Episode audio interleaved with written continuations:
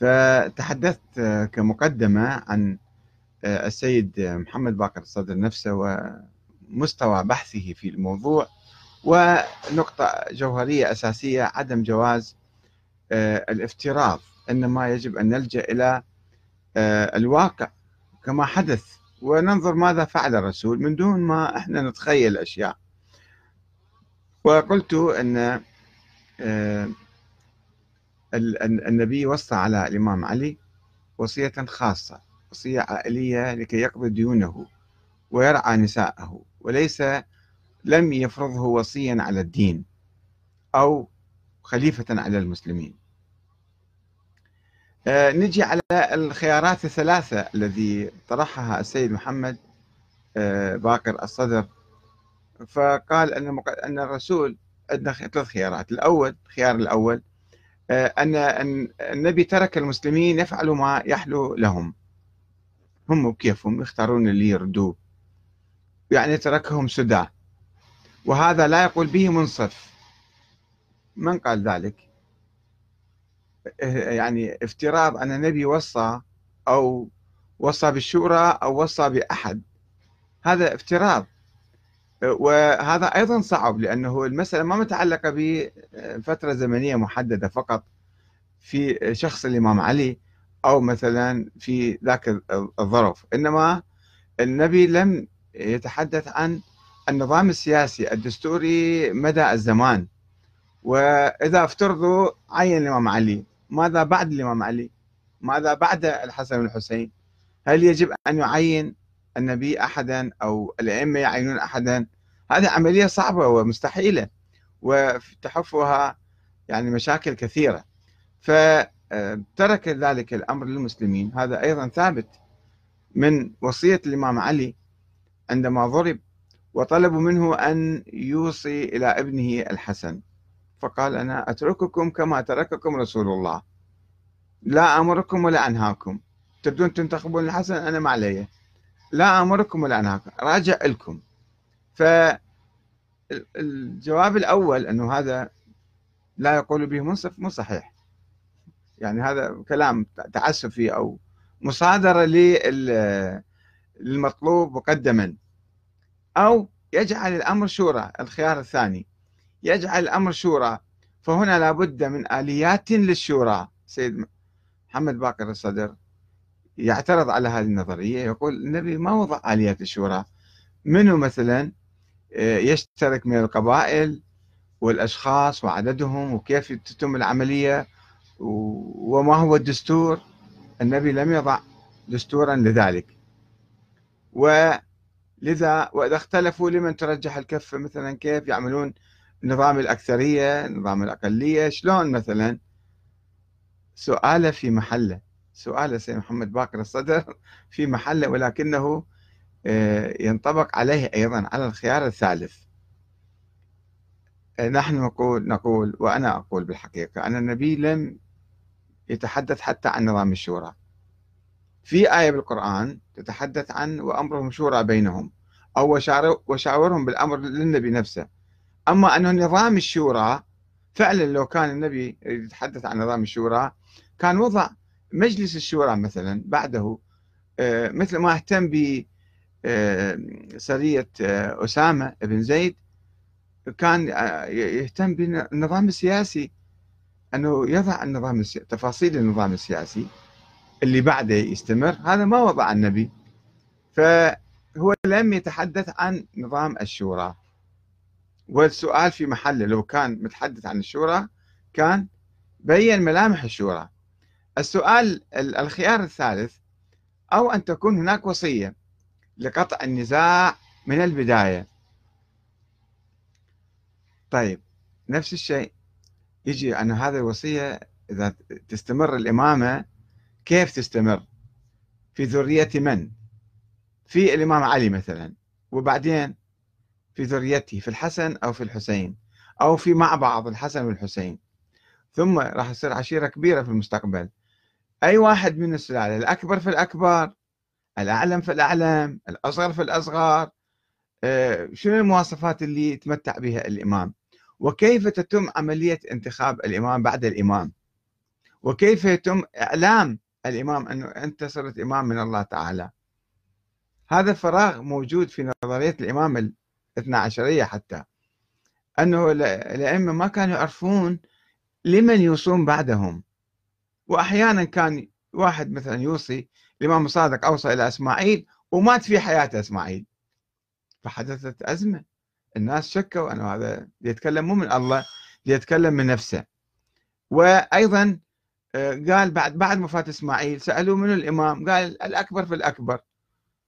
بعد وفاته راحوا إلى عبد الله الأفطح وعبد الله الأفطح مات وراه بسبعين يوم. أيضا حدثت مشكلة. فحصلت آه، يعني أزمة أيضا في مسألة الخلف ثم ذهبوا إلى موسى بن جعفر وفريق ذهب إلى آه، عبد الله الأفطح وافترض وجود ولد له وهكذا. فدائما كان هناك مشكلة في التعرف على الإمام وبعض الأئمة كما يقول الشيعة كما يقول الكليني في الكافي بعض الأئمة نفسهم ما كانوا يعرفون أن هم راح يصيروا أئمة إلا في آخر لحظة. السابق ما كان يعرف منه راح يصير؟ إلا في آخر لحظة واللاحق ما كان يعرف راح يصير إلا في مثل الحسن العسكري مثلا.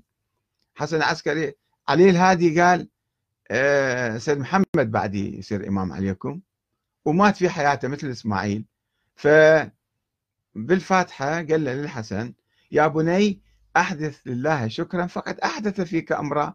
هسه صرت أنت إمام ما كان أنت ما كنت أنت في قائمة الأئمة وما كان معروف أنت راح تصير إمام بس هسه صرت إمام. أحدث الله آه، شكرا فقد أحدث فيك نعمة أيضا في حديث آخر. فإذا لو نقرأ تاريخ الأئمة حسب نظرية الإمامة نشوفها هي أيضا نظرية مرتبكة وما فيها ملامح. ما نعرف في أولاد الحسن في أولاد الحسين. لا تكون الإمامة في أخوين. تكون أو لا تكون. هذه أيضا مشكلة. تكون الإمامة في أخوين. بعد الحسن والحسين أو لا تكون. فإذا هذا الإشكال اللي سيد محمد باكر الصدر ياخذ على نظرية الشورى يأتي بقوة أكبر على نظرية الوراثة والتوريث والجهل بالأئمة فهذا مو صحيح. فإذا لا نظرية الإمامة صحيحة ولا نظرية الشورى أن هي يعني آه، بوصية من النبي أيضا هاي صحيحة ما ثابتة. إنما النبي ترك الناس بدون حديث عن الخلافة والخلف والإمامة وأي شيء من القبيل. ثم اجتمع الأنصار بمفردهم قرروا أن هذه مسألة دنيوية ما لها علاقة بالدين. الدين اكتمل. اليوم أكملت لكم دينكم وأتممت عليكم نعمتي ورضيت لكم الإسلام دينا. الدين اكتمل. العقيدة والأخلاق والعبادات هذا هو الدين.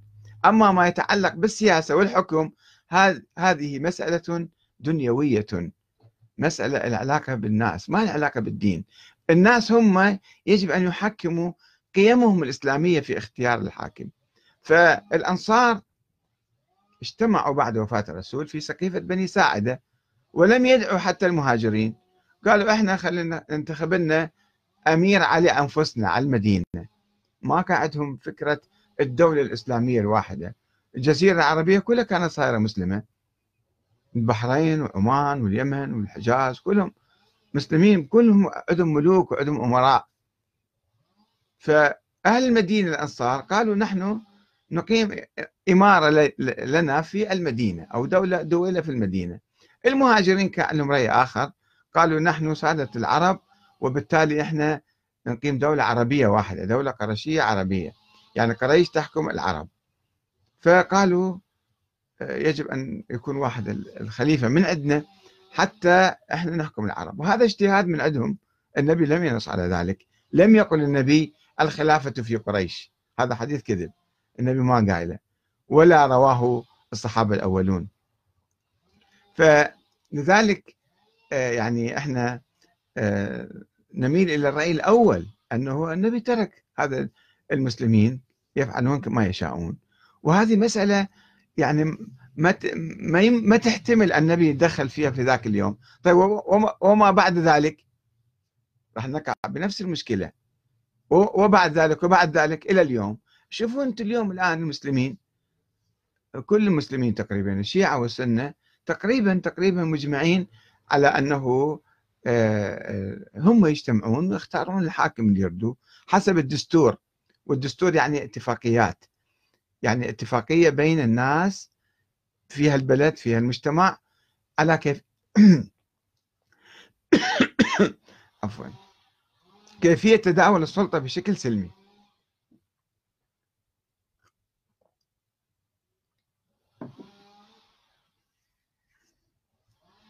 آه نعم. ولذلك فالاستنتاج اللي توصل إلى السيد محمد باقر الصدر أن خيار الوصية الأقرب للمنطق لا ليس أقرب للمنطق ولواقع الظرف أيضا مو صحيح. حتى لو افترضنا النبي كان موصي يوم علي الناس ما كان يقبلون مثلا وما قبلوا فمعناته أنه هذا صعب. النبي يفرض عليهم شيء اللي هم عامة المسلمين ما راح يقبلوه أو ما قبلوه مثلا على فرض أن النبي وصى بالإمامة.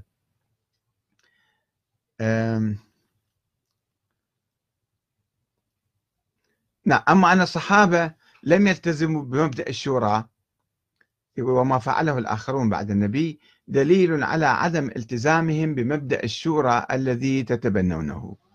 لأن الشورى كانت غامضة وما كان هناك دستور واضح. النبي لم يترك دستورا للحكم والقرآن لم يتحدث عن دستور الحكم. والصحابة بصورة عفوية اجتمعوا هم الأنصار في البداية ثم جاء المهاجرون وتناقشوا حول مسألة الحكم. ثم قال المهاجرون يعني صيغة دستورية بند دستوري واحد بالحقيقة أنه نحن الأمراء وأنتم الوزراء ولا نقطع أمرا إلا بمشورتكم. هذا المبدأ دستوري أقروه بيناتهم في خاص لهم مو خاص لكل المسلمين يعني ما ما جابوا آية قرآنية ولا حكم شرعي إنما آه، كلام قيل في آه، ذلك اليوم. وإذا ما التزموا به فمعناته هم أخطأوا. إذا مثلا أبو بكر عين عمر فهذا اجتهاد من عنده قد يكون صحيح قد يكون خطأ. وعمر عين ستة من الشورى ستة شورى من قيادات القبائل القرشية أو البيوتات القرشية. وهذا أيضا اجتهاد من عنده صحيح أو خطأ هو يتحمل مسؤوليته. مو مسألة دينية لأن مسألة وإحنا مو ملزمين بهالكلام إنما الشورى نظرية الشورى نظرية عقلائية. أن الحكم ما يكون أي واحد يجي يستولي على السلطة بالقوة ويصبح أمير المؤمنين. هذا خطأ هذا مرفوض. هذا مرفوض. إنما بالرضا. بالرضا سواء التجربة الأولى كانت صحيحة ولا كانت خاطئة شو خصنا فيها إحنا؟ راحت ذيك الأيام. إحنا يهمنا اليوم. يهمنا اليوم أنه النظام يكون قائم على الشورى يعني قائم على إرادة الأمة. الأمة هي التي تنتخب الحاكم أو الشعب في أي بلد مثلا هو ينتخب الحاكم. ومن دستور معين يتفق عليه ويصوت عليه ثم تتم عملية الانتخاب والشورى والمحاسبة. يكون برلمان والشورى تطورت. يعني المبدأ موجود. المبدأ أن الناس أحرار. في الإسلام الناس أحرار. الله ما حط واحد سيد على واحد ثاني. ما حط قريش تحكم العرب أو العرب يحكمون المسلمين ولا آل البيت يحكمون قريش أو يحكمون كذا. لا ولا العترة حتى لها حق أن تحكم الناس. هذا مو صحيح. هذه أحاديث الناس اختلقوها. طيب الآن إحنا كشعوب إسلامية نحن أحرار. كل إنسان هو حر. وما يتنازل عن حريته لأي حاكم إلا بنسبة معينة وبالاتفاق. أن نجتمع ونعطي السلطة لشخص معين ولنظام معين ثم هذا النظام يدير بلدنا. فإذا إحنا تحدثنا عن الشورى كمبدأ كمبدأ أنه النبي ترك الأمر للمسلمين والمسلمين لأن هاي مسألة دنيوية هم صاروا يبحثون في الموضوع وسواء اجتهدوا. سواء كان اجتهادهم صحيح أو خاطئ بنسبة معينة لأن النظام الدستوري كان ضعيف مو واضح مفصل. أنه الحاكم إذا مثلا صارت ثورة عليه مثل ما صارت ثورة على عثمان أنه هو مطلق الصلاحيات يعين أي واحد يريد يعطي فلوس لأي واحد يريد يتصرف كما يريد. أو لا الأمة مثلا تحدد سلطاتها وإذا ثارت عليه لمن نلجأ من يحسم بالموضوع إذا صار خلاف بين الناس وبين آه، بين الحاكم؟ آه، المن نرجع. كيف نحل المشكلة؟ ما كان عندهم ذيك الأيام محكمة دستورية. ولو الصحابة اجتمعوا كبار الصحابة وحكموا آه، بينهم. ولكن عثمان قال أنا ما ألتزم بهذا الحكم. قالوا له أنت إما تستقيل إما تعاقب هذا اللي زور توقيعك. فرفض. فصارت مشكلة.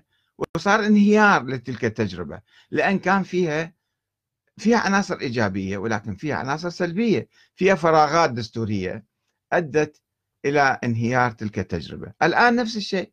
نحن نقيم أنظمة ديمقراطية جمهورية. وبعد فترة بعد خمس سنوات عشر سنوات من التجربة نكتشف أنه هذا النظام خاطئ أو في فشل أو نظام فاشل أو في سلبيات. فنحاول نطور هذا النظام. كل بلد يحاول يطور نظام الشورى أو النظام الديمقراطي حتى يكون معبر عن إرادة الجماهير إرادة الشعب بصورة سليمة وما يكون في تلاعب وما يكون في يعني خلل في, هذا الموضوع.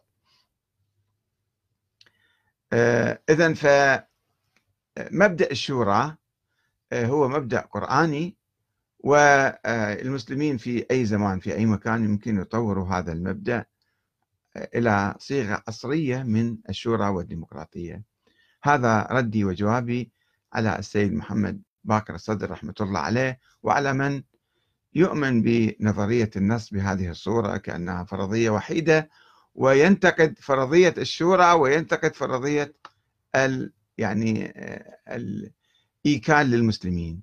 والسلام عليكم ورحمة الله وبركاته.